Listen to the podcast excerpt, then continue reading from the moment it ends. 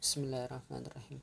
Sahabat askar yang diberkahi Allah, ekspansi dakwah serta menebar manfaat untuk umat adalah sebuah keniscayaan sekaligus kewajiban sebagaimana para sahabat yang diperintahkan Rasulullah Wasallam untuk terus ekspansi melakukan futuhat pembebasan-pembebasan sekaligus menebar manfaat serta menyampaikan tentang Islam, tentang tauhid, tentang akhlak Islam, tentang ajaran Rasulullah hingga tentunya Islam telah sampai di bumi kita Indonesia.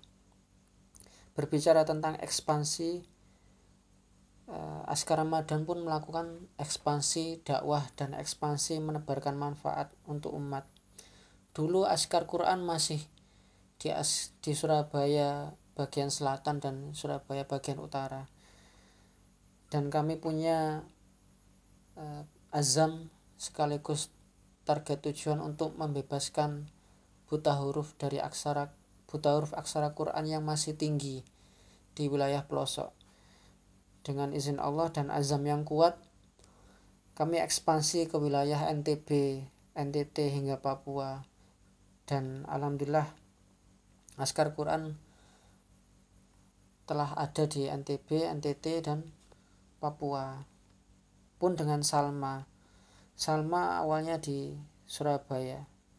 Ekspansi kaderisasi ke wilayah Sidoarjo Madiun Magetan Bandung Cimahi Wonogiri Bogor Lombok Barat. Hingga sekarang sudah mencapai Lombok Tengah dan semoga terus bertambah. Yatim amanah. Dari wilayah Surabaya ekspansi menebar manfaat ke wilayah area Jatim Pelosok di wilayah NTB dan NTT. Sayap dakwah Askar Ramadan yang lain yaitu Muslim Masasa awalnya berdiri dan berjuang di Lombok Barat terus ekspansi ke Kabupaten Lombok Tengah dan sekarang di Mataram.